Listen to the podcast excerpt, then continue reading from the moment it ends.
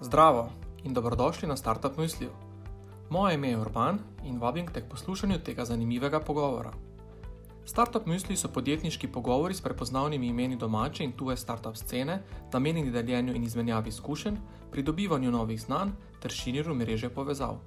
Na tovarni podjemo jih že od leta 2012 organiziramo v okviru programa Startup Maribor. Pa začnimo. Dobrodošli na mm, tokratnem startup misliju, ki smo ga oblikovali, kako oblikovati lastno logistiko, stane trendi in priložnosti za inovacije. Um, torej, um, z nami imamo dva super gosta, Martina in dva uh, Miho. Um, en, Martin, uh, Miha, si dolenc ali nisi dolenc? Ne. Okay. Ljubljančan, ok. Um, um, eno, v bistvu Miha iz uh, DSV uh, podjetja, ki je globalna korporacija na področju logistike, in pa Martin, Martin Domačin uh, iz zagonskega podjetja Tipri. Um, in taka zanimiva kombinacija se bomo uh, to, torej oblikovanje sodobne logistike, um, uh, pokrili iz tak dveh različnih uh, zornih kotov in gotovo bo to ena taka unikatna uvid v to, kar to področje sebuje. Tako da, kot že navadi, bo ta pogovor del naše podcast zbirke, v kateri se je nabralo že več kot 75 posnetkov, tako da, vkolikor boste kakšen del zamudili ali pa ga želeli podeliti s kakimi kolegi, z veseljem podajte in pošerete ta podcast. Um, bomo pa začeli današnjo, današnji pogovor ali pa današnji misli z dvema kratkima predstavitvama in sicer Miha in pa Martin sta pripravila kratko predstavitev tega, kar v resnici počnete, da nam date malo isto ozadja in pa malo um, uh, bistvo kosti, da bomo potem lažje grizli skozi uh, sam pogovor. Tako da, uh, Miha, uh, ti predajam besedo, uh, izvoli, tam je mikrofon um, in uh, lahko stojiš, sediš, kakorkoli želiš. Um, kot je že rekel Urbana, ne, prihajam iz uh, globalne korporacije, ki deluje na področju logistike. Um, hrati pa želim predstaviti, da je logistika lahko tako mednarodna, kot v bistvu lokalna zadeva, in da se lokalno tudi išče na načine, kako lahko z podjetji uh, začnemo sodelovati, in potem kako lahko mednarodno to zapeljemo tudi v tujino, in kako uh, pomagati podjetjem, ki začenjajo da naredijo prve korake na področju logistike. Um, tako da imamo danes en tak primer uh, sodelovanja s podjetjem Reusable Technologies, mogoče ga kdo že pozna, mogoče ne. Um, tako le bomo pol nazaj prišli še do enega slajda, ki bomo malo podrobno šli skozi, kaj za njih dejansko počnemo. Ne. Pa mogoče najprej povem, uh, da smo tudi recimo v globalnem uh, kontekstu, ne samo lokalnem, uh, naredili tudi za marsikateri startup uh, možnost pogovora, kako lahko dejansko globalno logistiko zapeljejo, sploh takrat, kadar pridejo v fazo, zdaj pa treba širitev delati, pa več trgov odpreti, kako jih lahko sploh odprem, če niti ne vem, kakšne so zakonitosti in podobno. Ne? In lahko naša ekipa potem združi in pokonekta po, po z ta pravimi uh, ljudmi lokalno, da veš, kakšna je pa vem, navada poslovanja na področju logistike v Turčiji ali pa kaj takega. To je recimo bil Robite. Um, kar se pa tiče reusable, ne vem, če poznate, oni obnavljajo, trenutno obnavljajo litij-ionske baterije, ki so drugače strošene iz uh, različnih verov, kot um, avtomobili, ročne urode in podobno. Um, in kot primer, da, da se da ponovno uporabiti, reciklirati, obnoviti in tako naprej, krožno gospodarstvo, so se najprej lotili teh litij-ionskih baterij. In v tem kontekstu smo se spoznali in govorili o tem, kako pa lahko dejansko to zapeljemo. Če greš v tako proizvodno oziroma um, postavitev teh vseh dejavnosti, je to ogromno ene investicije. Zakaj to dejansko bi rabo, če imaš lahko to kot storitev, ki jo lahko tudi dejansko mi logisti počnemo za njih. Ne? Pa mogoče to niti ni še uh, jasno na začetku, ne? kot logist, kaj pa logist lahko dela in tako naprej. Tudi, tudi Matej izpostavil, veliko več počnete, kot ste mogoče skozi naslov najavili. Pa bomo danes pogledali. Tako da, evo, tako so si naredili en kup enih partnerjev, kup enega sodelovanja, um, ki in skupaj z, z njimi ne, um, delajo korake naprej. Kaj konkretno v bistvu mi z njimi delamo, ne? se bom zdaj malo samo obrnil, pa tako naprej. Ne? Se pravi, oni kot podjetje ne, na trgu iščejo um, pač kupce ali za osnovne baterijske celice, ali pa že za produkte, ki jih tudi proizvajajo. Produkte, ki jih proizvajajo, proizvajajo zato, da dajo primer, kako se pa dejansko neki tacga lahko uporablja. Kako, ko obnoviš tako baterijo, kam jo pa lahko daš, kako jo uporabiš, na kakšen način jo lahko narediš. Ne? In uh, da bi pa to lahko naredili, si mora narediti dobavitelje osnovnih surovin ali pa materijalov ali pa polizdelkov, zadevo sestaviti jo zapakirati in odposlati, pa še personalizirati jo morajo. In to delamo tako, ne, da mi v njihovem imenu, ko oni rečejo, ok, zdaj bomo pa rabili imeti na zalogi recimo 500 kosov za naslednji powerbank, um, mi lahko pripravimo za njih, da reč, uh, kontaktiramo mizare, rečemo, zdaj bomo rabili toliko pa toliko tega, bomo prišli te piskati, bomo pripeljali, da držimo vse, zalogo vsega tega. In potem, ko pride naročilo, zdaj pa za, za, sto, za eno podjetje rabim 100 kosov, um, tega powerbanka s točno specifičnim logotipom, mi to vzamemo, sestavimo, pograviramo, um, obnovljeno baterijo testiramo, vidimo, ali dela vse v redu, in potem dejansko spakiramo in pošljemo naprej. Se pravi, podaljšana logistika v tem primeru, logistics manufacturing pomeni, da lahko tudi v proizvodni proces vstopimo, sploh v teh začetnih korakih, ko ni to masovna proizvodnja 100 tisoč kosov na uro in podobno, ampak ko, ko se šele podjetje pobira in ga iščemo model, sploh kako bomo optimizirali, pa, pa preračunavamo ure, ki so potrebne za to, pa iščemo optimizacije, da bi to čim manj prišlo cenovno na posamezni kos na dolgi rok. Ne. Tako da za njih delamo celoten takle, takle, opa, takle logističen krok, od sourcinga, se pravi od uh, dobaviteljev skozi celoten proizvodni proces, pa vse do konca, dokler ni dobavljena. In imajo pač to kot zonanjo storitev, oni se ukvarjajo s prodajo, marketingom in drugimi stvarmi, razvojem novih produktov, mi pa dejansko za njih procesiramo naročila, če lahko tako rečemo. Um, kaj pa v bistvu dodelamo na področju zelene logistike, da veste, da v bistvu se trudimo tudi kot globalno podjetje za to, od CO2 poročil, ki so najbolj aktualna do zdaj, pa do ponudbe alternativnih goriv in tako naprej, offseti z raznimi drevesi in tako naprej. Um, tudi kot logi smo zavezani, da bomo do leta 2050 postali oglično neutralni. To pomeni, da tudi za vse, ki za nas vozijo in podobno, bomo uredili, da bomo prišli do oglične neutralnosti. Um, zato tudi globalno se udeležujemo nekih pač združenj, se srečanj in tako naprej, kjer v bistvu iščemo poti, kako pa dejansko to, to narediti, je treba še kaj zakonodajo prilagoditi in tako naprej. Lokalno v Sloveniji smo pa pač del različnih ne, inicijativ, med drugim pač tudi smo tako le spoznali reusable.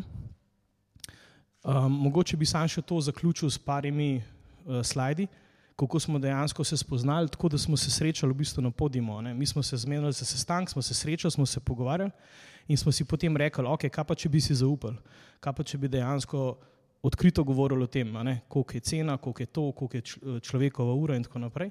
In smo rekli, v redu. Ne? In smo rekli, inovacije so itak prihodnost, mi želimo, da jih delamo, delimo jih pa na ta prav način, se pravi, smo šli skozi why, how, what. Ne?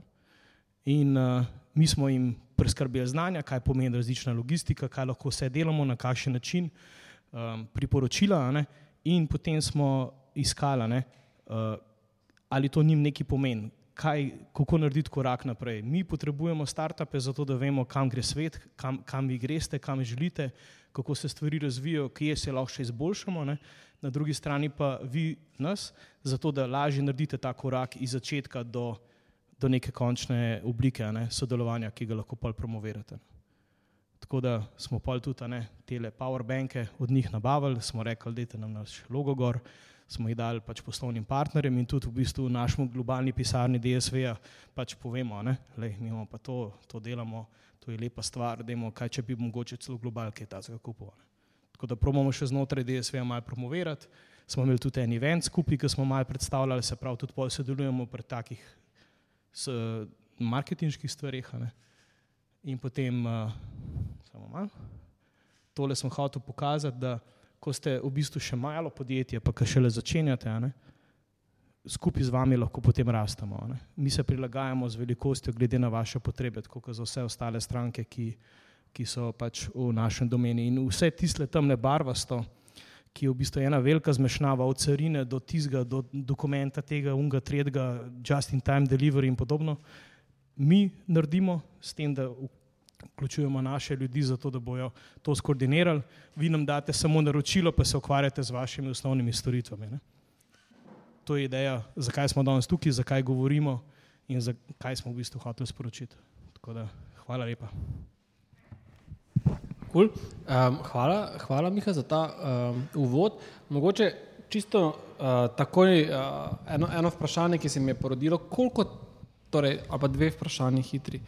To je koliko takih podobnih primerov, kot je reusable technology, technologies imate v Sloveniji ali pa ne vem, v Evropi recimo, ali je to, in ali je to nek vaš čisto ustaljena praksa to vrstnega sodelovanja startupov, ali je to neka vaša slovenska inovacija in uh, v bistvu rezultat neke bolj pobude, samo inicijativnosti posameznikov, kot pa nek v bistvu ustaljen poslovni model, ki je že čisto neka stalna praksa.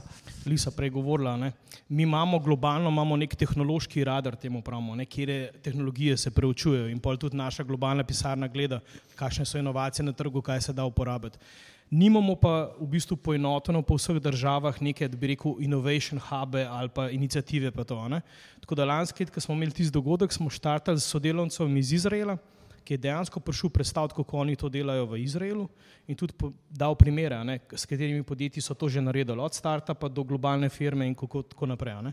Tako da v bistvu mi se nekako zdaj trudimo, ne, da bomo na področju pač bivše Jugoslavije naredili en program, kako v bistvu uh, omogočiti startupom, da tako delamo, oziroma kako si tudi sami, a ne pridobiti neko zavedanje trga na drugi mm. strani. Super. Odkritje. Ja, dobro.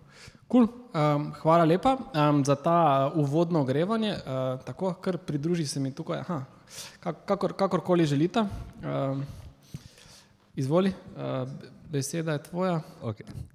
Um, hvala. E, okay. Za vaše mogoče malo o logistiki iz bolj zagonskega podjetja. Iz nekoga, ki dela mogoče za velika logistična podjetja ali pa eh, ponujamo logistične rešitve, eh, inoviramo na področju logistike. Eh, torej, moje ime je Martin, prihajam iz podjetja TIP-3 oziroma znamka TIP-QC in se ukvarjamo z razvojem kvantnih algoritmov tudi na področju logistike.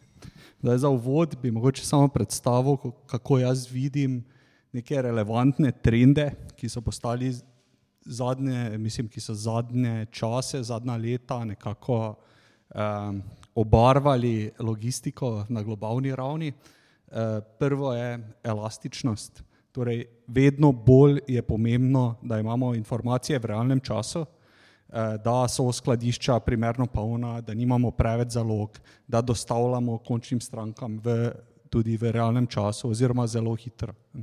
In to je zagotovo ena eno področje tekmovanja, ko se odločate vem, za vstop na področje logistike ali pa ko izbirate eh, operaterje, ki se ukvarjajo s tem. Ne. Potem druga stvar je povezovanje.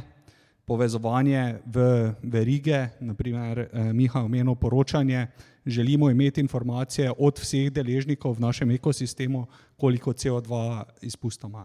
In to povezovanje sliši se super, ampak je kar zahtevno to narediti. Torej, kako vi če vas nekdo vpraša jutri za podatke od vašega podjetja, koliko vi porabite CO2 na poti, koliko porabite CO2 pri uh, deliveryju in, in te stvari in to povezovanje, vzpostavljanje podatkovnih takov, to je tudi ena, ki se mi zdi ena, najbolj, ena relevantnejših trendov trenutno v logistiki. Ne. Um, kompleksne zahteve uporabnikov, tukaj mislim, tu se zmaguje ali pa zgublja. Eh, če jaz čakam na Volt eno uro, mogoče več bom naročil. In to je že pri nas. Če greste v Indijo, čakate več kot 15 minut, uh, imate za svojo hrano. In enako je z pošiljkami, e-commerce, ves, last mile, zahteve uporabnikov uh, zelo, zelo hitro raste. Um, in pa zadnja stvar, trajnost, regulacija, um, nič v ena, kaj mislim s tem. Včasih velika podjetja niso rabila skrbeti za trajnost, zdaj morajo. Ne. Ponovno veliko priložnosti, recimo za start-upe, za velika podjetja, ampak tudi veliko izzivov. In zdaj, ko, ko pridemo v to veliko logistiko, ne vem, tisoč milijard evrov eh, trg in hkrati imamo te visoke zahteve, kaj se zgodi? Zgodi se, da logistična podjetja morajo inovirati. In to je nekaj, kar je res za opaziti. Mislim, že Miha, veliko podjetje, DSV, globalno podjetje, korporacija iz, um, iznajdujejo, sem na robe povedal, iznajdejo nove poslovne modele, da lahko boljše servisirajo startupe. Ne. Mislim, to je nekaj, kar je skoraj nepredstavljivo za družbo take velikosti. Ne. In logistična podjetja, po uh, tem, kar smo mi opazili, so res zelo naklonjena inoviranju. Mogoče tri stvari, uh, ponovno, po mojem mnenju, ki jaz mislim, da je relevantna inovacija, umetna inteligenca, okay, to vsi poznamo, optimizacija poti, uporabniška izkušnja, vem, predvidevanje potreb. Sistemi povezovanja, kaj to pomeni, zgraditi velike sisteme, imeti takoj dostopne podatke, ki se tudi lahko uporabljajo za ena in enostavne interakcije. Tri, kaj mislim, da je najbolj relevantno za startupe. Jaz mislim, da tu startupi res lahko zmagujejo. Inovacije poslovnih modelov, logistics as a service, ponudite nekaj boljše. Ne. Dosti krat je to, kar je boljše, UX. A lahko ponudite bolj prijazno logistično izkušnjo. A lahko jaz samo kliknem nekaj, pa točno vem, eh, kako bo to dostavljeno. A lahko spremljam, kje je moja pošiljka po celotnem traku. A lahko zagotovite, da ni napakne tu, po mojem, um, ogromno potencijala še za rast. Potem nič ena primeri. To smo tudi z, z Miho pregovorila. Um, koliko podjetij poznate, ki ima vzpostavljene neke logistične verige? Jaz mislim, da nekaj ja, dosti pa tudi ne. In samo iti tja in jim ponuditi, mi vam lahko vzpostavimo logistiko. A bo to zdaj najboljša logistika, kaj obstaja? Verjetno ne. ne. A lahko naredimo? Ja. Ne. In do, dosti teh primerov je, ker tukaj se zmaguje ne na tehnologiji, ampak se zmaguje na marketingu. Ne, v, v teh primerih. Ne. In pa nove potrebe, torej kaj morajo narediti, regulacija, poročanje, spremljanje in tako naprej. Kako prijemo z kvantnim računalništvom tukaj zraven? Vse to se sliši super in inovacija je zelo vredno, ampak kaj pa mogoče včasih pozabimo, pa je, da inovacija stane inovacija vedno stane denar. Če želimo imeti umetno inteligenco, to pomeni, da bomo plačali denar za umetno inteligenco, da moramo poganjati algoritme, da rabimo znanje in tako naprej. Če želimo imeti boljšo optimizacijo, to mogoče pomeni, da bomo mogli nekaj več časa čakati. In vse te inovacije, eksponentne inovacije zadnjih let, eh, mislim, so eksponentne. In raste eksponentno tudi strošek, in raste eksponentno tudi čas. In obljuba kvantnega računalnika je, da na neki točki bo lahko kompleksne procese procesiralo hitreje kot klasični algoritmi. In če lahko to naredimo, potem smo dosegli nekaj pomembnega. Um, na kratko še, kaj delamo mi. Mi delamo no-code oziroma low-code SES rešitve za optimizacijo in za umetno inteligenco. ChatGPT je tipična taka rešitev. Ne. Imate front-end, ampak večinoma je to nek API, ki kliče knjižnico, ki je zadaj. Mi želimo narediti tako knjižnico, ki teče z kvantnim algoritmom. Torej, v resnici ChatGPT malo hitrejši. Tako da uh, tukaj bi zaključil, uh, z veseljem se še pogovorim uh, zdaj, v resnici, kasneje ali pa po mailu. Hvala. Cool, super, um, hvala Martin. Pa mogoče kar predaš ta mikrofon Mihi, pa ti tega pograbiš, pa evo, ima ta vsak svojega. In evo, odlično, um, odlično, evo, to, to, to. Super, um, hvala za ta ogrejevalni, ogrejevalni del. Um, jaz sem imel v bistvu pripravljenih nekaj ogrejevalnih vprašanj, pa po mojem smo zdaj že tako dobro ogreti, da lahko v bistvu kar, um, kar v bistvu štartamo na debato. K debati ste vabljeni seveda tudi vi, tako da uh, če imate kakršno koli vprašanje, komentar, um, dajte prosim um, samo uh, zakričati. Edino, kar vas prosim, glede na to, da bo vse posneto, da vzamete ta mikrofon, ki ima dovolj dolgi kabel, pa da mikrofon zastavite uh, vprašanje. Okay.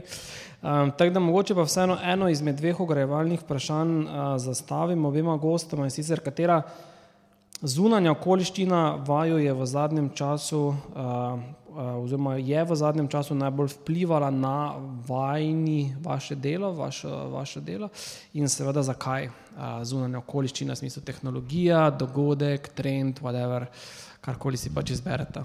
Um, pa kar izvoli. um, ja, za nas je bilo to verjetno um, res ta naklonjenost k inovacijam.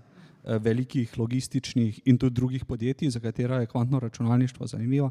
Naprimer, DSV ima svoj pospeševalnik eh, za start-upe, eh, v Mariboru Pošta Slovenija ima svoj pospeševalnik za start-upe. Večina velikih logističnih podjetij so začeli odpirati svoje pospeševalnike in začeli so investirati v kvantno računalništvo, v umetno inteligenco, v te sodobne tehnologije. In to je en velik, velik pokazatelj, da okay, to pa je mogoče res pravo področje, se zafokusirati. Lahko dobimo denar, lahko dobimo stranke, ki so pripravljene na eksperimentalne podjet, eh, projekte, in tudi lahko nekaj doprinesemo ne, mhm. na, na koncu, seveda. Cool. Skratka, ta odprtost teh večjih podjetij, strank, potencijalnih strank, eh, ekosistema je nekaj, kar je ok. Hvala, eh, Miha. Um, če se kar nanašam na to, ne, na drugi strani, ne, pa, na, pa na stranke po COVID-u, ko so gotovili, da se marsikaj da drugače delati, ne, reče, ok, uh, kje imate digitalno sposobnost izmenjevanja podatkov, kje imate portale, jaz bi pa un portal uporabljal, jaz bi pa to, pa tis, pa tako, pa gor, pa dol. Ali pa ne, mi imamo nov portal, zdaj ga boste uporabljali. Imamo mi v bistvu na naši strani ene 50 različnih portalov, kamor moramo ali mi dajati informacije, oziroma jih bi mogli elektronsko prenašati. Ne? In zdaj, kako to narediš? Uh, enako ljudi imaš na to, da enih koncev moraš pošiljati informacije. Zdaj, ne, eh, če, če, smo, če prej logistika bolj spala na tem področju, imamo zdaj ta prešer. Ne. Mogoče je to bilo najbolj vidno. Aha, zdaj pa kar naenkrat vse stranke so začele hoditi, pa vsi hočejo to, pa to, pa to, pa to. sploh zdaj, ki ni ljudi. Ja, in zdaj pa biti pripravljen, da boš vse to sprocesiral, je pa kar zalogaja. Za Tako da imamo mi mogoče v DSV-ju to srečo, da je naša globalna recimo, organizacija že prej pogruntala, da, da to treba narediti, pa smo imeli že tekoč projekt, da zdaj bolj kaneja. Ne? Uh, lepo počasi gremo vsi gor, pa bomo imeli neke te sposobnosti, pa da se bomo še v tem desetletju v bistvu dokaj preobrazili, no, bi rekel mhm, -huh. temu. No? Mhm. Če gledamo drugo stran, odkje je naša zahteva, da iščemo inovacije, ja, kdo je -huh, uh -huh. e, koliko pa je Miha pri vas, v bistvu ta, ta zadnji um, val v bistvu umetne, te splošne umetne inteligence, ki ga je začel čat GPT tako intenzivno. Koliko je vam spremenil neke časovnice, vplival na vaše poslovanje, spremenil prioritete? Um, čutite to, v bistvu, ta, ta neki pač, uh, zelo, zelo strmo krivuljo ali pa neko euforijo, ki se je zdaj zgodila, uh, ali v bistvu niti ne toliko? V bistvu čist noč. Okay.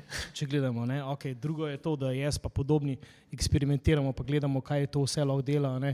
-huh. Si probaš predstavljati, kako bo dejansko se poslovni model spremenil. Ampak če pogledamo že sam dejstvo v logistiki, da se izmenjajo podatke, ko se zdaj uporabljajo, so bile v bistvu definirane v 70-ih letih prejšnjega stoletja, ok, zdaj so malo bolj posodobljene, ampak principi isti, aha, takle formato je to, to smo že meri že da, da, znali delati in to je to. Uh -huh. In že to, že, če imaš to, wow, si že naredil, ne? kaj šele API in tako naprej. Ne? V bistvu to je dost ko. Uh -huh. No in zdaj, če pa Če pa pogledaš, če je GPT, predvsem je pač vidno, tako kot iz večine uh, brick and mortar firm, aha, to je pa zdaj ena grožnja ali kako koli, kaj pa to zdaj pomeni. Ne, um, v bistvu na nas je pa pol, da ugotovimo, kako si lahko tukaj pomagamo, ali lahko dejansko določene stvari avtomatiziramo, ampak tudi pametno avtomatiziramo, ne da sam ponavljam, ampak moče da kakšen predlog. Tukaj jaz vidim, ampak to je v bistvu bolj naša globalna zgodba, kot pa mogoče lokalna. Uh mhm. -huh. Ampak kako kot firma lahko to v bistvu zdaj uh mhm. -huh. uporabimo ne? pri uh mhm. -huh. razvoju naših portalov in podobnih stvari naprej. Uh -huh. cool. Hvala. Um, mogoče isto vprašanje, uh, Martin, za te. Uh, skratka, kako ti vidiš, v bistvu, da ta, ta, ta neka euforija, te splošne umetne inteligence, različnih rešitev, ne ok, če GPT-1 so ti pač veliki jezikovni modeli, pa vse drugo na področju analize fotografij, generiranja fotografij, slik, um, glasov, videa, skratka, vsega tega, kar se zdaj dogaja, kako to vpliva, kako ti vidiš ta, ta pogled sprememb uh, v panogi logistike. Uh. Mislim, um, mogoče bi uh, dva aspekta tega izpostavil. E, ena stvar je, da AI oziroma procesiranje podatkov vedno nekako sledi razvoju strojne opreme, strojne, strojno-programske, kakorkoli. Ne. Ko smo imeli računalnike, smo lahko poganjali kakšne preproste programe, potem smo ne, servere zgradili, smo lahko delali umetno inteligenco. Zdaj imamo oblak, sposobnost procesiranja enormnih količin podatkov in zdaj smo šli iz te, ne vem, recimo prediktivne umetne inteligence, umetne inteligence, ki ponavlja stvari, na generativno umetno inteligenco ne, in generiramo nekako novo znanje, eh, spreminjamo strukturo znanja. Ne. In mislim, da je tukaj ena uh, velika investicijska stvar, ne, da podjetja v logistiki, kjerkoli druge, bodo še naprej investirala v te enormne sisteme zaledne in da bodo začela gledati druge zaledne dele, naprimer kvantno računalništvo pri nas. Uh -huh. um, druga stvar pa je v smislu, uh, kaj je naredila ta umetna inteligenca. Ne. Naredila je to, da, uh, kot sem že prej omenil, v Aziji ali pa v kakih večjih mestih, imajo sposobnost uh, last mile delivery services, da na deset minut natančno napovejo, kdaj boš dobil hrano. Imajo sposobnost, da dostavijo skoraj nemudoma uh, e-commerce iteme. In to je postala naenkrat zahteva. In zdaj, če tekmuješ, ne vem, a bom dostavil jaz v eni uri, a bom dostavil 50 minut, je relativno vseeno. Ne. Ko pa enkrat tekmuješ na 6 minut ali pa 5 minut, pa more, rabiš to breakthrough inovacijo, da narediš te male premike. Ne ker smo v marginalnih izboljšavah že uh -huh. na nekem področju. No.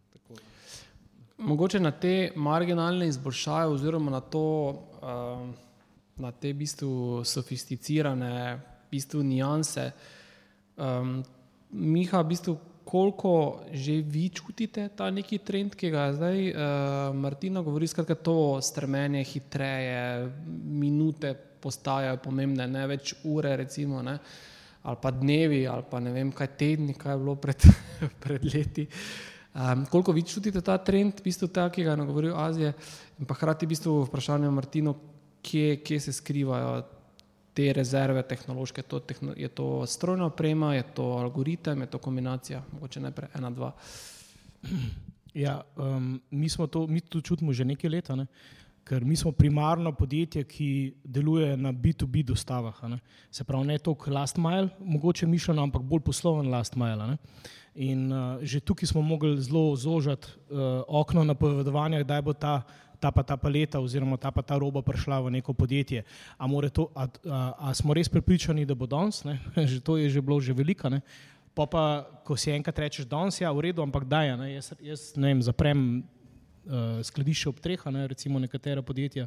Aha, ti moraš loviti, moraš gledati, ne, ampak to se je večinoma delalo v bistvu na, na, ali na peš, ali pa na poznavanje, ali pa na ponovljivost, ali pa ne, neki tacka zadeve. Ne. Tako kot je on rekel, ne, da boš pa ti imel nek sistem, ki bo to lahko procesiral, ogromno tega, pa tako naprej to je pa pol druga stvar. Ne? Kje je bil najboljši približek tega, je avtomobilska industrija, ki imaš just in time, ki točno veš, kje avto bojo danes narejeni, kako bo konfiguracija teh avtomobilov, pa kako rabaš dele imeti, pa kako po kažem zaporedju. Ampak to dobiš napoved par dni naprej ker so pa oni vseeno mogli biti tako togi, da so to dubali, da smo mi pripravili točno tako, recimo na neke palete, ki bojo na proizvodno dopeljane. Uh mhm. -huh. Mogoče je bil to začetek, ampak zdaj pa definitivno na, tudi na teh last milih, če lahko rečem, tudi na našem last milu se to ogromno dogaja. Ne? Eno hitro podprašanje, pa potem Martina tebe. Ali je ta ukrajinska kriza ali pa odvisnost evropskih dobaviteljev od azijskih ne, um, in, in v bistvu pretrgane ali pa, ali pa, ali pa v bistvu um, uh, motene dobavne verige, ali je to kaj vplivalo na to neke take res ekstremne zahteve, potem lest, uh, pač, uh, um, rekel, just in time dobav in tako naprej, ali je to zdaj malo ljudi vseeno prizemljilo, da pa mogoče pa ni tako super pametno vse delati just in time, pa v zadnjo minuto. Ja, ja, se to je splošno, ne, uh, zdaj debata. Um, a res rabiš tako zelo optimiziran met, ali bi vse imel malo zaloge, pa tako naprej. Avtomobilska industrija se težko premakne, da bo danes jutri kaj naredila, ampak lahko nam pa naša stranka, za katero delamo, da, v, v, v imenu katere recimo dovažamo neko fabriko, ne, nam pa lahko reče, v redu, dajte zdaj za vsak slučaj 30% povečati zaloge, mi naročite to naprej, pa tako naprej. Uh -huh. To lahko rečejo, recimo, da neki dodajo zahtevo. Ne. Zdaj, da bi nekaj bilo zelo grozno, ne. Se pa pojavili, da praktično vsa skladišča so bila polna. tudi v nas kadiša, ki je drugačna, bom ben najel, je kar naenkrat bila v dobro. Uh, in tako naprej. Tako da to, tukaj se je ogromno videl, da so si podjetja so si kopičila. Čim so dobila surovino, ki je bilo težko dobiti, jo bomo pač imeli. Jaz jo hočem videti tam noter v skladišču, da vem, da bi proizvodna laufala. Mm. In zaradi tega je bilo to, plus da smo mi mogli tiste stvari, ki so letele čez Rusijo ali pa se transportirale kjerkoli čez take regije, ne, smo mi mogli zdaj pač rerouting narediti, pa, pa poiskati, kako bo vse en prišel na cilj. Pa, pa, Pa tukaj, no, iskati izzive. Ni vam bil dolg čas. Um, Martin, za te vprašanje, skratka, zdaj ta razlika, ali dobiš uh, um, ali dobiš v bistvu hrano v petih ali pa sedmih minutah, je to, to več ni verjetno stvar motorja ali pa sposobnosti dostavljalca, ampak je verjetno se skrivnost ali pa odgovor skriva v tehnologiji. Ne? Mogoče nam malo obrazložiš, kje se zdaj te, te marginalne razlike v bistvu dela in kje so tu mogoče priložnosti na drugi strani za, za, za neka tehnološka podjetja, zagonska podjetja, kakorkoli to. Um, Ja, torej ta, um, te minute ne, so tipično, oziroma ja, verjetno tipično rezultat dveh stvari. Eno je, uh, kdo gre kam, torej optimizacija, kje so ljudje na cesti v mestu in kateri človek bo dostavil določeno stvar. Uh, druga stvar pa je nekako napovedovanje potreb. Mi vemo, da bo vem, jutri v Mariboru potrebujemo deset uh, sedežnih garnitur. Uh, in da jih imamo nekje v skladišču, ki je tukaj blizu, odkot je mogoče moglo včeraj priti iz Nemčije. Sebne. Tako da ta dva načina optimizacije, ne, eno je oziroma umetne inteligence, predikcija potreb in dva optimizacija same eksekucije, eh, mislim, da se tukaj povežeta no. eh, mm. in rabiš oboje.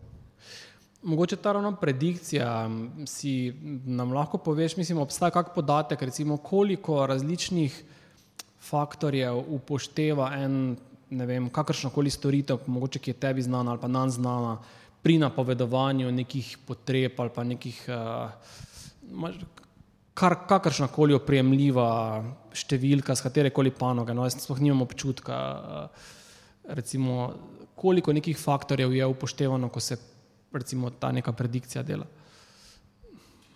Um, dobro, vprašanje, v resnici malo, malo sem eh, dobil, um, kako bi rekel. No, um, za skladišče bi verjetno upošteval um, kar vse, torej časovno vrsto stvari, ki pridejo v skladišče, časovno vrsto stvari, ki grejo iz skladišča. Ne vem, če imajo skladišče, eh, sarže. Recimo, ja, pa enih 500 uh, kategorij izdelkov bi bilo verjetno to število parametrov za eh, napovedovanje eh, demanda ljudi, pa je to enormno število. Torej, vem, jaz kupujem žeble, jaz kupujem slike, jaz kupujem vse preko interneta. Za vsako eh, kategorijo mora biti parameter v modelu umetne inteligence, ker jo želimo napovedovati. Mm. Pa tudi kaj potem, ne vem, vreme, um, splošni trendi. Koliko so pa take splošne stvari? Ne? Jaz se razumem na nek način, da ti imaš te uh, v bistvu elemente, ki so vključeni v samo, ki so neposredno vključeni v logistiko, ne? torej kupce, dobavitelje, mestne člene. Koliko pa teh nekih zunanjih vplivov, ne vem, promet, vreme, slabe novice, razpoloženje, kaj zvem, kakšni sentimenti, koliko tega nekega neotipljivega, to je tako čisto zdaj firpično vprašanje. E, ponovno, enormno, ne? enormno, ampak tako bi rekel, enormno v Tokiu, enormno v New Yorku ko imaš to maso ljudi, da lahko natreniraš algoritem. Če se pogovarjamo o Mariboru, verjetno kupiš 30% več, kot je rekel Mija, imaš tam skladišče, pa če bo kdo naročil, imaš za vsak slučaj, če ne bo pa vržeš stran. Ne. Misliš, recimo, da Volt upošteva, da je tekma NK Maribor Olimpija v Mariboru in pojača količino piva v, Volt skladiščih? Ali... Z klasično inteligenco. Z klasično, ne umetno. okay. cool. uh, imate morda že kakšno vprašanje na tem, uh, na tem mestu? Ne? ne vidim nobene roke. Okay. Um, skratka, pokrili smo malo ja, nekaj stanje. Um, kaj pa so mogoče, uh, Miha, malo si se že dotaknil nekih trendov v tej panogi. Ne? Skratka, ta trend nekako outsourcinga um, dela logistike, oziroma to ni samo logistika, to je cel, cel že del proizvodnje na nek način. Kaj, kaj bi še ti označil, kot so neki, na, uh, neki ključni trendi, recimo v neki sodobni logistiki, v najširšem pomenu besede? In kje so tu priložnosti za še za kakšne inovacije, za izboljšave? Um, teh inovacij, pa izboljšav je že kar nekaj. Ne? Um, imaš ogromno enih portalov, ne, ki ti razne pomoči dajo konc koncev podjetjem, da iščejo med logisti oziroma obratno, ne, da, da, da si tudi mi drugi pomagamo med sabo. Ampak um, kje najbolj vidimo zdaj problem, ne, ki se ga morajo dejansko podjetja lotiti, je prvič uh, premalo delovne sile, drugič pa ESG. To je pa zdaj že taka kompleksnost, da bi pa že v bistvu logistično oddelek v podjetju, ki bolj kaj ima operativne naloge za delati, nima pa časa razmišljati, kam gre logistika, zakaj gre logistika, kako bomo to rešili in tako naprej, ne? ima pa že izziv. In zdaj, če nimaš dosti ljudi, boš začel razmišljati, kako bi del svojih um, opravkov v bistvu dal kot outsourcati, oziroma da ti to nekdo drug naredi. Ne? In tukaj v bistvu se bo zdaj počasi začel mal. Uh, ločevati, kdo je logist, kdo je pa samo prevoznik, pa kdo ima neke specifične stvari, pa kdo ima vse. In zdaj, če mi logisti pokrivamo vse, od A do B, od skladiščenja do prevoza, do vse takih stvari, carina in vse, pa, pa še pa malo proizvodne, um, smo mi uni orkestrator. Ne? In zdaj, kar naenkrat, uh, a bi lahko še to naredili, a bi mogoče to naredili, pa tako naredili. Tako da smo mi tudi obrnili ploščo, pa rekli, zdaj lahko to mi za vas naredimo, to je zdaj možno. Ne? Aha, to je pa ful dobro, to bi pa mi imela. Ne? In bolj kot ne, se zelo zdaj zmanjšuje. Mislim, nekateri grejo res v ekstreme, kar se tiče iskanja ponudb na deset koncev, deset ponudb in tako naprej. Ne? Za vsak prevoz, ne pa ful enega časa gre, pa nekako ne gledajo v smeri total cost of ownership, ne? drugi pa reče, aha, koliko mene stane, da najdem ponudbo. In zagremo vedno bolj v model cenikov. Um, in potem, kaj pomeni model cenikov? Ja, potem optimiziraš celotno delovanje ne, in greš bolj v indirektno nabavo, indirektna kategorija nabave v smislu frame agreement, gremo in samo eksekucija in tako naprej. Ne, in tudi tako deluješ. In zdaj vedno več enih stvari lahko temu dodajaš, lahko gremo, imamo celo ponudbo control tower ne, in tako naprej. Ampak ne bi zdaj v tem. Ampak recimo, vedno več se to pojavlja, da vedno več stvari bomo mi kot logisti mogli prevzemati, oziroma tudi v bistvu želimo prevzemati, ker to je naš core business, ne, ni pa mm. če izdelava, uh, mislim, zasnovati nov powerbank ali nekaj takega. Mm, mm.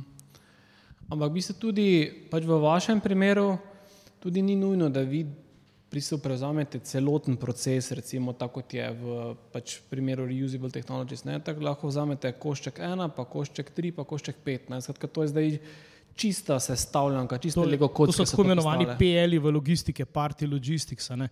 Ne vem, začel sistem, da si imel svoje voznike, svoje komuno in tako naprej, kot bi rekel, še v prejšnji državi. Uh, v bistvu vsi so bili tam zaposleni, zdaj pa zgledaš, marketing, prodaja, čisti, čiščenje, vse tako gre počasno. In vedno to se je tudi bolj premikalo v logistiki. Aha, zdaj pa mogoče nam imel svoje kamionov po vozniku, bo en drug to za nas zrihtel. Vedno bolj, ko smo globalni, vedno bolj večja kompleksnost imaš vem, 300 kupcev, teh 300 kombinacij na različne načine, vedno bolj gre v to. Ne? In pa se pa pojavljajo ti modeli, da lahko delaš en mehen spektrček za eno konkretno stranko, delaš samo to linijo. Ne?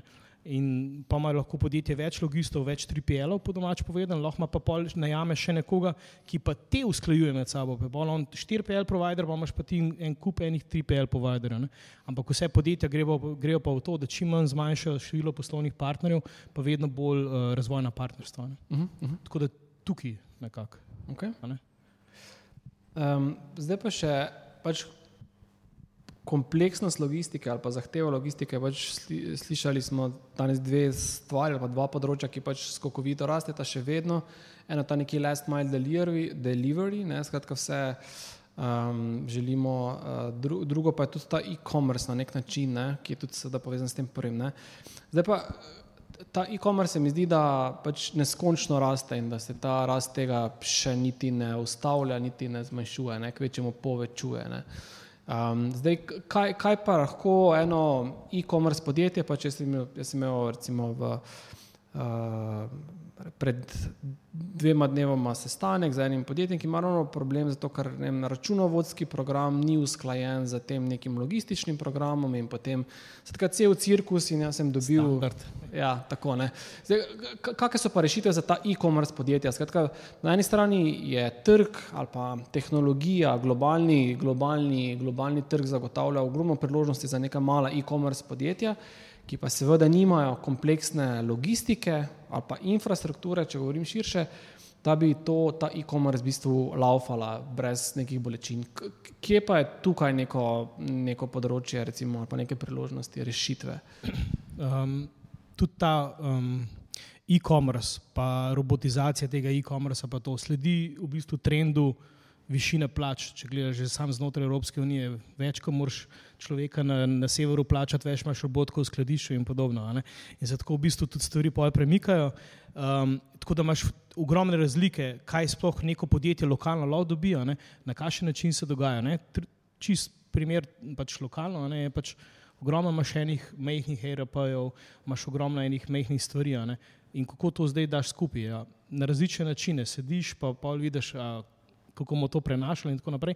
Ampak dejansko je pa osnova se pa pol tako postavila, da rečeš, nekje imam skladišče, tukaj je nek skladiščen program, nekako uh, nalogi bojo do nas prihajali v bistvu naročila za, za ven, ne? se zmemo, kako bo to prihajalo, ne?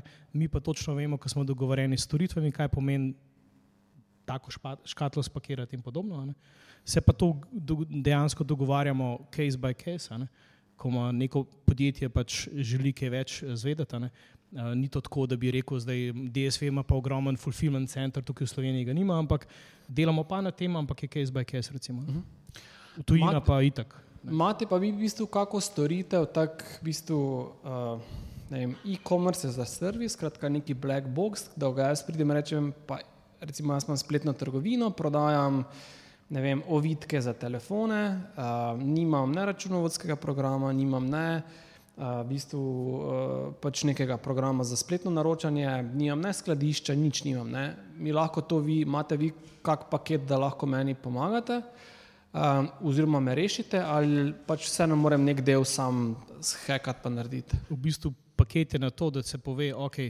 Um, če želiš to delati, ne, če si čisto odprt do tega, ti lahko povemo, kaj že funkcionira pri drugih strankah. Uh -huh. V mhm. smislu, ne da zdaj rekel, ta podjetja ima to pa to, ampak rečeš, ti ERP-ji so podprti, tak način je možen, pa rajš na ta način svetuješ. Tako kot recimo, če govorimo o, o, o primeru reusable, ne? za razne druge stvari. Greš pač poveš, kaj je, pa kako se lahko izogneš večjim bolečinam. Recimo um, DSV globalno in tudi v bistvu tukaj lokalno. Uh, je dejansko vem, naredil integracijo z Amazonom in dejansko deluje v imenu sellerja na Amazonu, um, fulfila orderja. Ne? Ali to pomeni direktno v fulfillment centru od Amazona ali pa pač direktno do stranka, ne? odvisno od blaga. Nekatere blago ne moreš dejansko dati kaj noter. Ne? In obstajajo razne rešitve, treba je pa potem sam pogledati znotraj ekosistema, ki ga imamo mi globalnega. Kdo, kaj, zakaj, kako je že bilo narejeno, pa pa rečeš, evo, tako se da narediti. Recimo, uh -huh. Če že nimaš avto, da box rešitev lokalno. Uh -huh.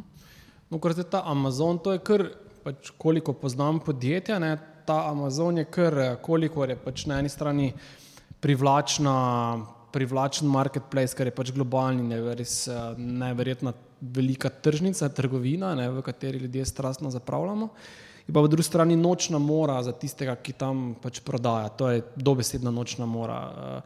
Kombinacija podjetij, pravnih oseb, postopkov za vrnitev, teh nekih, bog ne daj, da se zapleteš v neko neko zapletancijo, to je to besedno nočna mora. Ne? Kako lahko vi takim nekim podjetjem enostavno, kak je bil na svet, recimo nekomu, ki želi iti na Amazon, pa nima full izkušenj, je to pač prvi korak, ok, gremo preko DSV-ja in v bistvu vam, nam vi najdete neko kombinacijo ali kak, kako bi recimo takemu podjetju svetoval? No, kot ti si prej zdaj omenil, ne, eh, ta vidik v bistvu, ko se šopom ukvarjaš na Amazonu, ne, to sploh še ni vidik, kaj pomeni logistika. Ne pa kako so si lahko različni med sabo, pa kako je treba imeti paletko opremljeno, pa kako mora biti obrnjeno na kamionu, pa take stvari.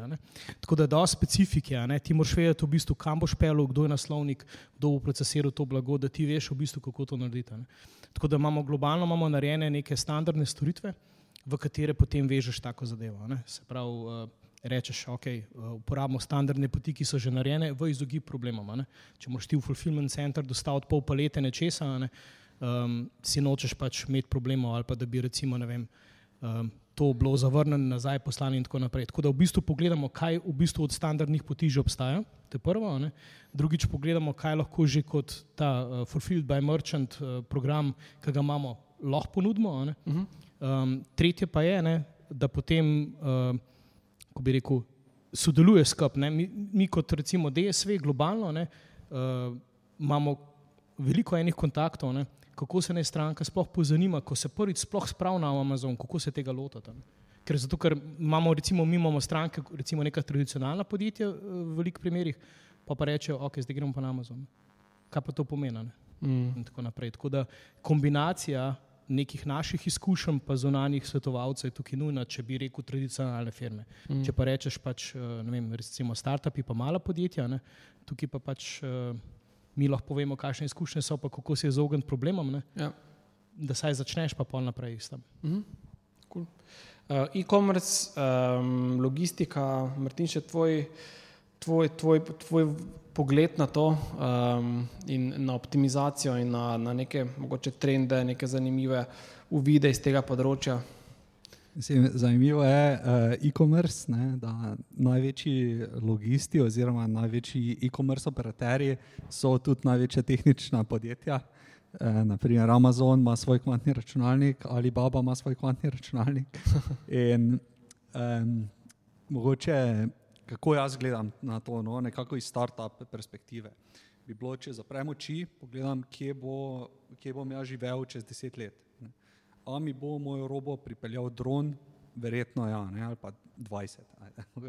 Ne, a bom mogel čakati na njo tri minute, a bo logistika tekla na kvantnem računalniku. Ne. Um, in vse te stvari, če pogledaš potem malo podjetja po svetu, vidiš, da za vsako tako stvar obstaja en unikorn. Ne. Za kvantno ga še ne. ne. Tu, to mene motivira, ne, da vidim, da okay, čez 20 let se bo to verjetno počelo, zdaj se še ne in ne obstaja še veliko podjetij.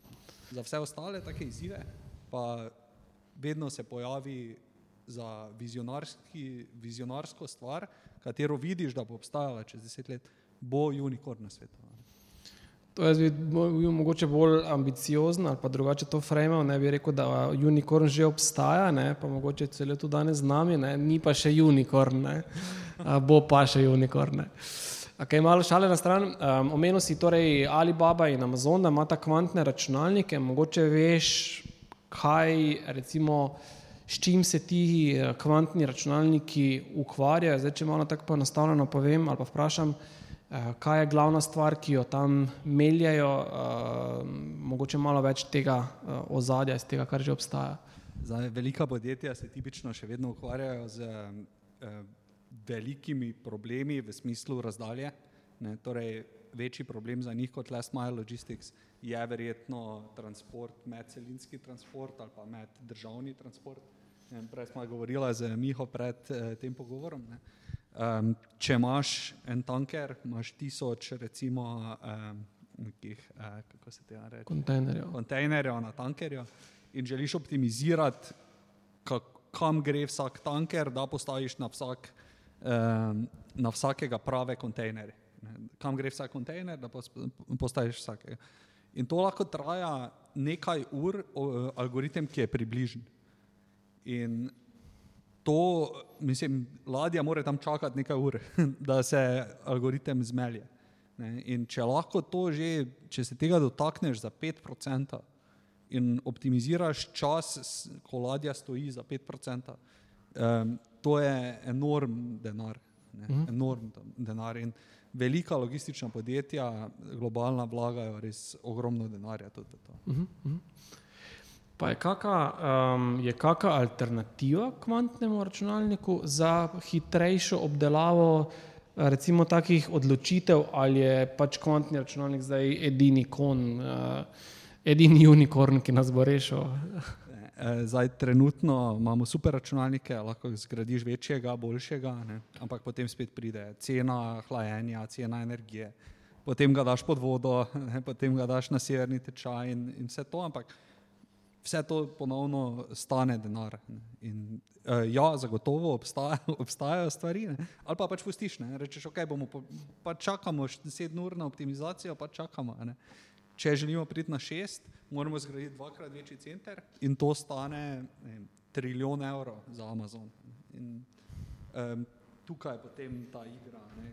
Kako daleč moramo priti z kvantnim računalništvom, da res rečemo, hej, zabalamo not 500 milijonov. Uh -huh, uh -huh. Okay. 500 milijard. 500 milijard. Bolj natančni. Okay. Uh, na tej točki, kako vprašanje, kako komentar, vas kaj zanima, kakšna misel? Okay. Um, gremo naprej, smo vprašali za dve uri, tako da uh, ne skrbite. Uh, ja, mogoče to, ne, um, ta Miha, če se vrnemo k tebi, ne, skratka, kje zdaj po tvojih uh, izkušnjah, recimo, ne, podjetij, ki prihajajo do vas, torej podjetja, ki imajo fizične produkte in prihajajo do vas z nekimi željami po reš, reševanju nekih elementov svoje logistike, ne, kje, kje je mogoče. So ta podjetja še najbolj nekako v slepi ulici, česa, katerega dela teh, te sodobne logistike ne poznajo, ne vidijo, uh, ne prepoznajo kot vrednega, ki, ki največ izgubljajo, ki je največ napak. Ta, če zdaj naslovimo v bistvu nekoga, ki ima okay, fizični produkt, zdaj pa kaj dela ta podjetja na robe, kaj zamujajo, kje izgubljajo denar uh, in stranke, konec koncev. Um, Nekako um, že več desetletij je tendenca, ne, um, da v poslovnem okolju, če že imaš zaupanje, ne, uh, je to zelo težko zgrajeno. Ne? In zdaj, ki oni največ izgubljajo, je, da je težko imeti s čisto vsakim playerjem ali pa čist um, pokrit nek trg um, z vsem znanjem, z vsemi informacijami, ki jih ti rabiš, zato da se boš optimalno odločil. Se pravi, po domač povedan. Um, če mi kot logist recimo gledamo z odprtimi vrati na, na to, kaj se v logistiki dogaja, pa imamo to customer case, pa vse te zadeve, pa veš, kam se stvari premikajo in tako naprej, oni v bistvu gledajo skozi eno lino skozi vrata. Ne? Oni gledajo skozi svojo realnost, tiste mogoče tri, štiri uh, ponudnike, ki jih imajo, ali pa slučajno kakšen članek nekje videl, pa tako naprej. Ne? Manjka jim v bistvu strokovnost, ne? zato ker je težko. Dan danes je vsako področje, če ga hočeš dobro delati, treba Facebook globiti. In ti, če hočeš poglobiti, moraš pa imeti dosti ljudi, da jo lahko poglobiš. In, in zdaj, a se moraš na koncu odločiti, da bomo svojo logistično firmo ustanovili ali bomo kot tako drugačni. Tukaj mogoče največ izgubljajo, zato ker če bi skozi zaupanje, pa skozi neko odkrit pogovor, pa partnerstvo delali, pa iskali v tej smeri, ne, bi veliko v bistvu več dubl nazaj. Zato ker lahko, če ti enkrat daš rečeš, čez pet let bomo tam, želimo delati to, pa to, pa to. Kaj ti misliš, da, da je za narediti že zdaj, da bomo potem to dosegli? Lahko dobiš veliko več informacij, kot pa če greš ti iz tega, tole je, da mi sam ponudbo, pa gremo naprej. Mm. Se pravi, mogoče je to moj podarek. Največ zgubljajo, če ni odnosov. Mm. Mogoče bolj ta soft uh, del. Okay. Hvala. Um, ja, mogoče, če se kar navežem. Um, največ zgubljajo, po mojem, zelo podobno, kar jim povedo, če nimajo sploh logistike. Ne, če si ti recimo e-commerce shop, pogledaš, da so zanimivi izdelki, eh, kupiš v Balku, pa prodaš eh, ne, preko Amazona. Ne, tu zagotovo se da nekaj narediti, se povežeš z DSV-om, naredijo logistiko, naredijo eh, še kaj drugega za tebe. Ne. Potem na mogoče malo večji skali, ne, ne vem, v, tudi v velikih podjetjih sem jaz to videl, da se logistika dela na papirju. Zdaj rabimo toliko, toliko tovrnjakov, gre toliko, pa toliko eh, tovrnjakov. Ne. Tako da izgublja se, po mojem, največ na tem izniči v ena. Sploh narediti logistiko. Tudi če je slaba, tudi če res ne deluje, vseeno bo boljše kot nič, skoraj zagotovo. Ne. Na uporabniški strani ne, pa se zmaguje z uporabniško izkušnjo, pa z dobrim appom. No. Uh -huh, Tako preprosto. Uh -huh. Je pa Miha, vi imate en taki, en taki uh, poljudni konfigurator, ne? veš, tako kot ki bi meni, kot podjetje, ki ima pač nek fizični produkt, jaz bi poklikal, ok, ne vem, take produkte imam, take velikosti, take cene, tak, toliko kosov, na toliko strani šipam, kaj zvem, neke parametre, ne? Frekvence, relacije. Recimo, ne? In bi vi meni povedali, ok, Urban, ti pa ti pa rabiš, ne vem, to pa to pa to storitev, recimo, ne. Veš, da bi, ker pa če potegnemo analogijo z kakšnimi drugimi storitvami, ne, pač ogromno imaš zdaj že takih no-code ali pa low-code, kot recimo razvija uh, Martin, ne, ko jaz kot uporabnik ne rabim poznati vse te neke kompleksnosti, ne, za katero si ti tu, tudi ti omenil, da je pač valjda problem, zato ker je to eno široko področje, ne, uh, ampak mi na nek taki meni primern uh, način zna približati uh, neke priložnosti pa neke možnosti. To delamo pa prek svetovanja. Um, v bistvu, ko neka stranka ali pa ne vem, potencijalni poslovni partner reče, mi bi pa res dejansko radi skrb sedeli, pa pogledali, kam gre to, pa se najbolj odločili. Potem valjda bomo tudi mi vstopili noter, pa bomo rekli, aha, mi to vidimo, bomo risali po tabli, bomo risali procese, kako bi bilo drugače naredeno. Na mestu, da stranka reče, jaz bom pa rabu deset kamionov na un dan, pa to, pa to, on bi lahko sam rekel, le tole je roba, ko šla ven, ki je planiran, da šla ven. Mm. Zvoste. Mm. Zakaj? kaj boste naredili, da bo to. In ponovadi pride, da mi pa razmišljamo o združevanju robe, razmišljamo o raznih drugih stvarih, kako to narediti. Mi gledamo iz vseh verov, kako se bo naredilo. Ne? Mogoče vsako stvar niti ni treba prepeljati nazaj v logistični center, pa prerasporediti. Pa naprej, pa to, to je v bistvu priložnost, ne? da v bistvu, tako kot mi ne moramo tekmovati z nekom drugim v nekem drugem znanju, ne? se v bistvu. To, v bistvu, kako od strateškega dobavitelja povleti znanje, zato da boš ti kot podjetje bolj uspešno. Ne? Kakšni, kak je pa je vstopni prag, da se vi na ta način, kot ste zdaj omenili, pogovarjate s podjetjem? Je to lahko eno podjetje, ki ne vem, proda ali pa ja, recimo vem, pet ali pa deset ur robe na mesec, ali to, imate pač neki threshold, s, s kako, kako velikim podjetjem se začnete pogovarjati? Sploh ta mala podjetja, ki začnejo, to niso zdaj milijonski zneski. Ne? To je v bistvu zelo dobro vprašanje, zato ker to to je bila vedno nekako, eh, bi rekel, eh, že z moje prejšnje poti ne, v mnogih podjetjih, ne, s kom se boš ukvarjal. Um, moje osebno mnenje je v bistvu vsem daš priložnost, pa vidiš, kaj bo iz tega ven prišlo. Um, a, je, a je na drugi strani res ni sogovornik, ve, kam gre. Um, gledaš dolgoročno ne, in pol veš, a vlagaš ali ne, a je pravi odnos ali ni. Bolje jaz bi tako rekel. Zdaj, ja, sigurno obstajajo kriteriji globalni, ne, kdo, kdo, bo, kdo bo global account manager, ki bo za njega skrbel, kdo gre kaj. Gre, ja, obstajajo neki kriteriji, ampak še zmeraj lahko v bistvu mi, po domač povem, intern pitch naredimo nekomu, ne, rečemo, because I know why, in tako naprej.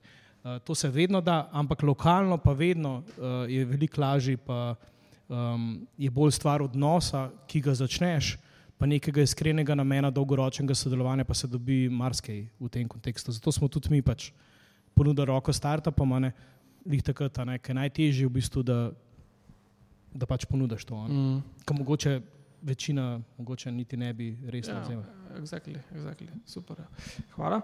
Um, Martin, če se vrnemo malo še k tebi in, in kvantnem računalništvu, zdaj okay, logistika je eno um, področje, ki je tudi tema današnjega, mogoče še tako za, za neko splošno razgledanost, kaj pa so še druga področja, ki, v katerem je kvantno računalništvo tako zelo uporabljivo ali pa nek potencial uporabe zelo velik. Tak.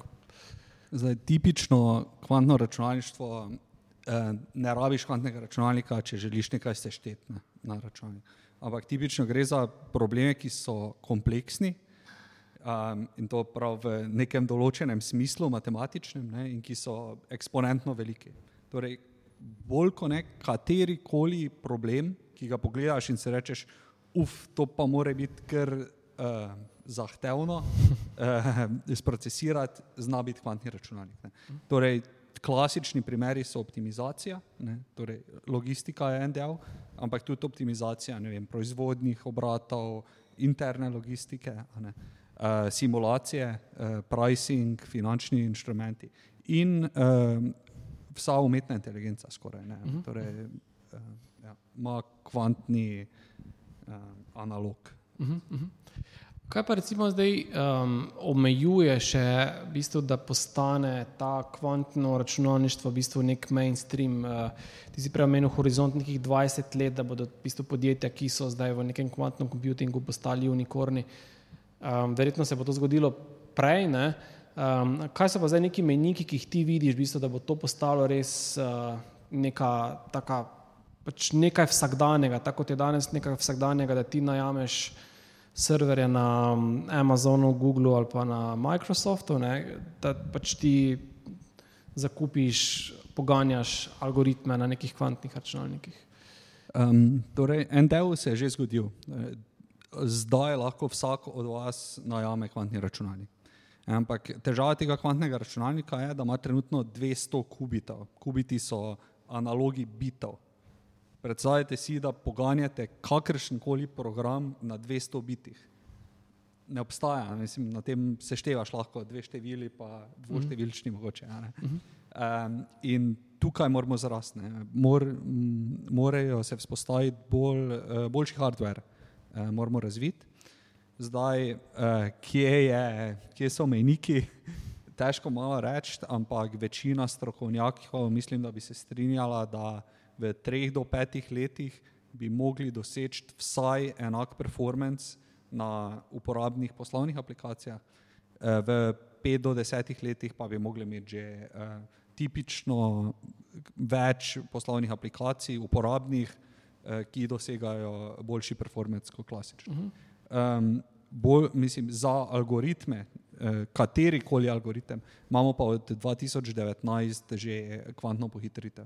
Torej, imamo že algoritme, vsak malo boljša univerza uh, ima že algoritem, ki teče hitreje od klasičnega. Uh -huh. Je pa ta algoritem relativno neuporaben v poslovnem svetu. Aha, okay, okay.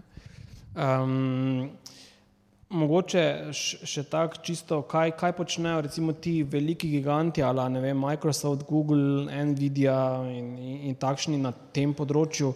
Um, razvija bolj hardware, bolj software ali boje? Uh, kaj bi rekel? Hardware.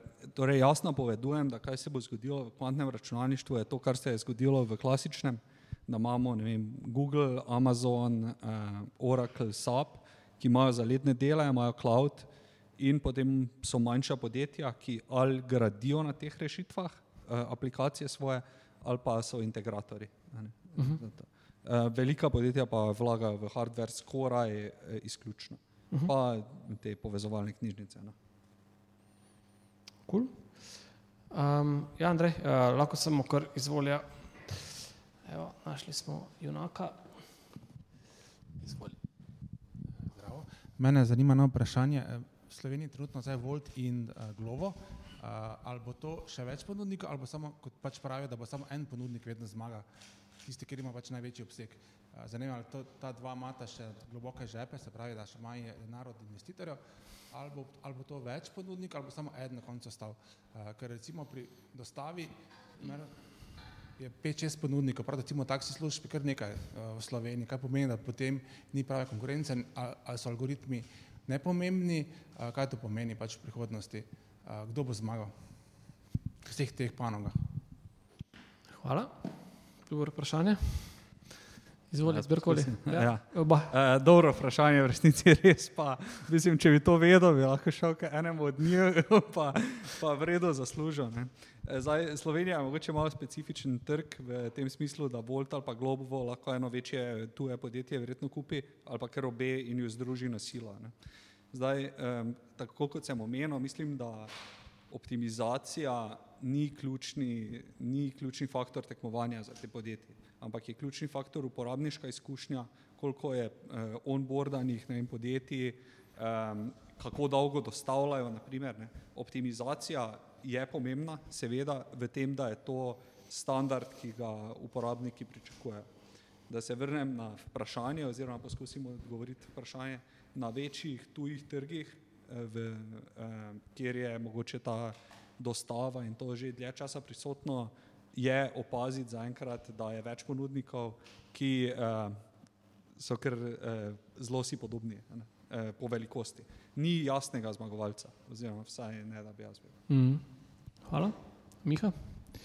Ja, pa ti ponudniki imajo vsi tri črke, ponavadi, pa tako naprej, je tako dost uh, podobno. Um, velike konsolidacije. Um, Máš tudi recimo specifike na nek trg, en zelo dobro pokriva lokalno, ne?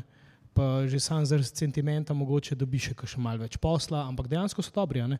naredijo tvo, svoje specifike, poznajo, mogoče ti pa ne, globalc, ne, kakšen globalc pač ne pozna toliko specifik oziroma ga ne zanima toliko zelo, ne? da bi se toliko zelo prilagajal. ne, recimo. Ampak je tudi na tej, recimo, eh, na, na, na logističnem področju potekajo enake konsolidacije kot recimo na tem, eh, kot je Andrej vprašal, na tem dostavi hrane. Ne, recimo pač, kar, ne vem, Glovo kupi e-hrano, skratka kupi nekega lokalnega ponudnika, uh, Delivery Hero kupi, kupi celi evropski volt, recimo. Uh, ali potekajo take enake konsolidacije na tem logističnem, pri logistih, pri vas, ali je to še vedno taki malo bolj fragmentiran trg? Logistika na splošno je zelo fragmentirana, kot tudi recimo ta največje podjetje na svetu, mislim, da ima nekih 5 do 6 odstotkov overall, ne, to v bistvu ni noč, ne, in je zelo fragmentiran. Ne. Ampak še zmeraj se pa dogajajo prevzemi. Uh Mhm. -huh. In v bistvu top ne vem, 10-20 podjetij, bolj kot ne, uh, da bi večje premike delajo, delajo z mergers and acquisitions, um, hkrati pa inovirajo, v bistvu, kako bi še bolj to delala. Pa s tem dobiš tudi pač neko novo znanje, pa ga integriraš, pa mogoče že kor firma drugače dela in tako naprej. Ne. Tako da, Ampak zdaj, če se v bistvu vrnem še na, na, to vprašanje, skratka, je po tvojem mnenju, glede na to, da še vedno več logistov, uh, več ponudnikov logistike, kot pa recimo, je večja fragmentiranost logistike, kot pa recimo teh nekih dostavljavcev hrane. Recimo, ne. Ka- kaj je po tvojem mnenju razlog za to? Recimo, to so pač drugi kriteriji. eh, Recimo uspešnosti ali pa uporabnosti teh storitev, ali je preprosto, kako bi ti odgovoril na to vprašanje, ker je tako zanimiv fenomen. Na osebno način. mnenje ne, Ja. je to, ne, da pač geografsko gledano um, neka firma nekje začne poslovati, nove trge odpira, skozi te trge mogoče neke akvizicije dela. Ne, in mogoče tudi globalno gledano. Realnost v nekem podjetju ni povsod enaka, slediš istim trendom, nimaš pa mogoče enakih nabora storitev posod na voljo ali karkoli v tem smislu. ne. In zaradi tega imajo pač tudi drugi pol priložnost. ne. In uh, v bistvu ni, logistika je tako obsežen del, ne, um, da če bi ti hotel čisto vse pokriti, ne, pa imeti vse pod streho, recimo neki last mile logistics je nekaj čist drugega, kot kar mi delamo. A pa avtomotiv, že mi v bistvu ločujemo zelo znotraj uh, same logistike. Kera industrijo servisiraš in za uno moraš narediti prav svoj framework, od zadaj, da bo to servisiral, svoje procese, eh, neke prilagoditve, integracije so drugačne in tako naprej. ne. Eh, Že to lahko ločujemo, ne, plus še sama razlika med, bi rekel, temu warehousingom in letalskim prostorom. In um, ta realnost, uh, glede na trge, a, ne, um, a ti lahko s kamionom peleš od tukaj do tukaj, pa kam lahko peleš, kje sploh lahko voziš, da je varno in tako naprej. Zaradi tega v bistvu obstaja taka fragmentiranost, ker je tako zelo težko doseči, da imaš ti čisto vse olin. Mm. Lahko narediš rešitev, pa skombiniraš neko. Ne? Ampak mogoče moraš tudi kakšnega zunanjega da uporabiti, ki je tudi logist, ampak ima on dobro potis pokrit, pa je mogoče ne smisel, da sploh sam to postavljaš, če lahko samo vključiš v rešitev. Mm. Mm, V, tem, v tem kontekstu ne, tudi logisti pol gledamo, ne. mm. kaj imaš že, pa kaj še. Ja, Tako, ja, ne. cool, ja. super. Um, še kakšno vprašanje, kak komentar? Gremo počasi proti koncu debate, tako da um, se morate zdaj pohiteti ali pa nadaljevati potem ob, ob pivu, pa ob šanku. Um, mogoče še za konec, um, Miha, vprašanje, kje se po tvojem mnenju skrivajo nekako največje pasti pri načrtovanju logistike, uh, ki se jih mogoče neizkušena podjetja ne zavedajo dobro ali pa sploh ne zavedajo? Um, podjetja v smislu podjetja, ki najemajo storitve. Tako je, ja, tako. Ali pa mogoče tudi, če nagovoriš na drugi strani pasti iz vidika, če na pasti pogledaš kot na priložnosti, ki jih je mogoče pač potrebno rešiti in je to priložnost za zagonska podjetja. Kakor, kakor, ob, obe, oba, obe plati me zanimata. največja past je, da ti delaš z omejenim naborom informacij, pa z omejenim obsegom sploh. Um, Tega, iz česa se odločaš. Se pravi, množica tvoja, ki vpliva na tvojo odločitev, je pravilna ali ne, je ponavadi premehna, če v bistvu se sam hočeš konkurirati nekemu logistu, da boš ti v bistvu več vedel kot ne vem kdo tam, ki to cele dele dneve ali podobno. ne. Ja, obstajajo ljudje, ki dokazujejo, da je to možno. ne. Um, spet pa vsi se pa tega ne grejo, večinoma podjetja se tega ne grejo, ne? ampak uh, grejo bolj v smeri, da bojo imeli neka partnerstva. Ne? In zdaj največje pasti so, da smo kot potrošniki navajeni, ja, ja sej, pač to pa to narediš, pa bo šlo. Aha, kaj pa je vse vmes, kar mora delovati, zato da se bo dejansko to zgodilo. Ne? Je ta odkrit pogovor, da okay, ni vse perfektno, ampak kako pa lahko naredimo, da bo špilal tako, da bo na koncu v redu največja past mogoče za zagonska podjetja je pa, da po defaultu mislijo, da se da vse z najnovejšo tehnologijo narediti. Um, realnost pa je, ne, da ne vem, že sam na izmenjavi podatkov, ne, ja, super, e-commerce, uh, ne vem, pa razne druge zadeve, valjda imajo vse možno za izmenjevati podatkov, ni pa vedno realno mogoče to pričakovati od logistike kot sektorja ali kaj takega. Ne. Nekatere industrije sploh ne razmišljajo o tem, ampak old proven things need to work. Ne. Grejo raje v to. Ne. In tukaj se v bistvu mogoče uh, nevarnost je, da si čist preveč odspreta, ne. pa da mogoče rabiš enega logista, s katerim greš skozi svoj koncept, pa vidiš, ne, kje pije vodo, kje ne pije vodo in tako naprej. Mhm. Da rajš to, vzameš neko mogoče mentorstvo v tem smislu. Cool, super. Hvala. Um, Martin, ti si kar prikimava, verjetno imaš uh, podobne misli, še želiš, uh, še imaš kaj za dodati. Uh. Ja, mislim, uh, včasih ne, okay.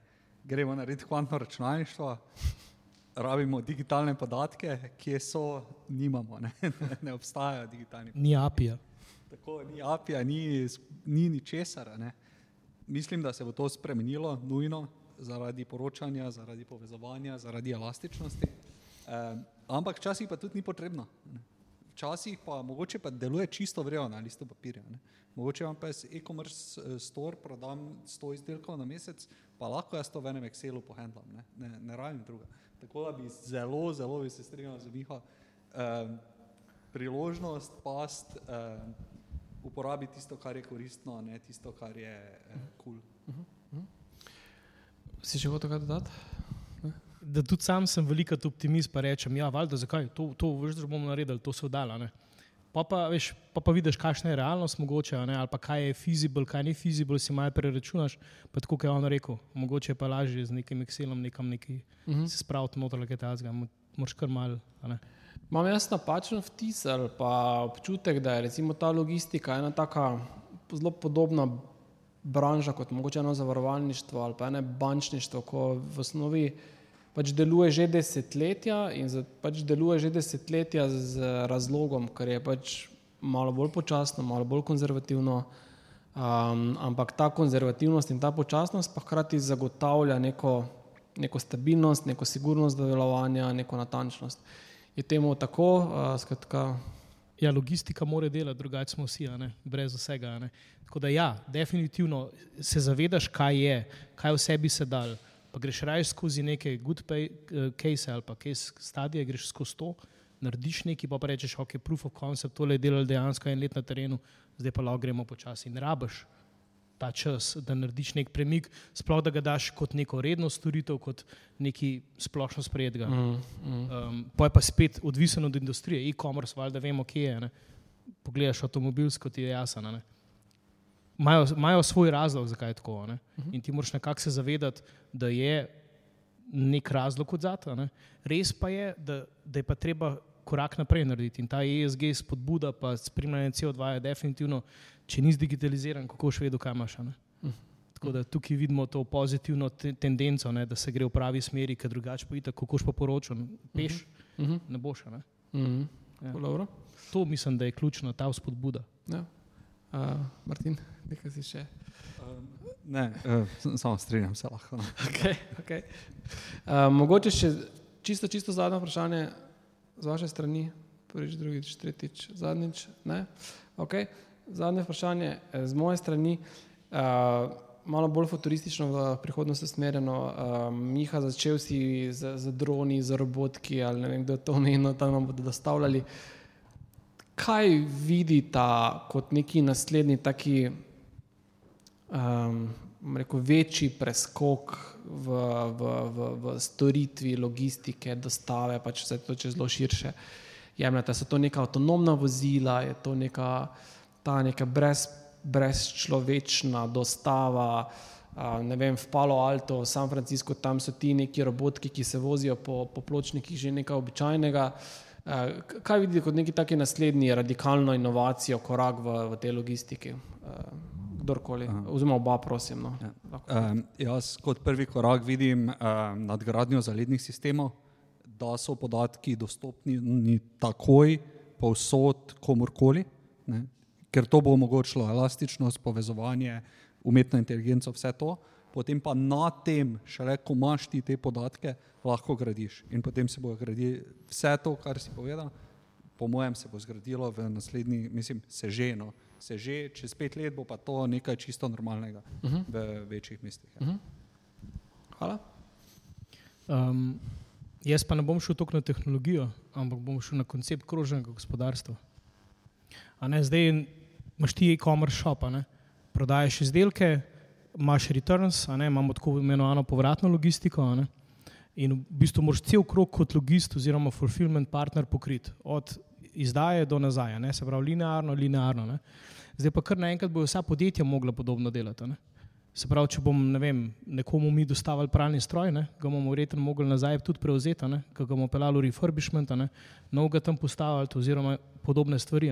Se bo v, logi, mislim, v celotni logiki poslovanja se bo mogli spremeniti in tudi logisti bomo mogli tukaj narediti korak naprej, da bomo sposobni te storitve ponuditi. Ne?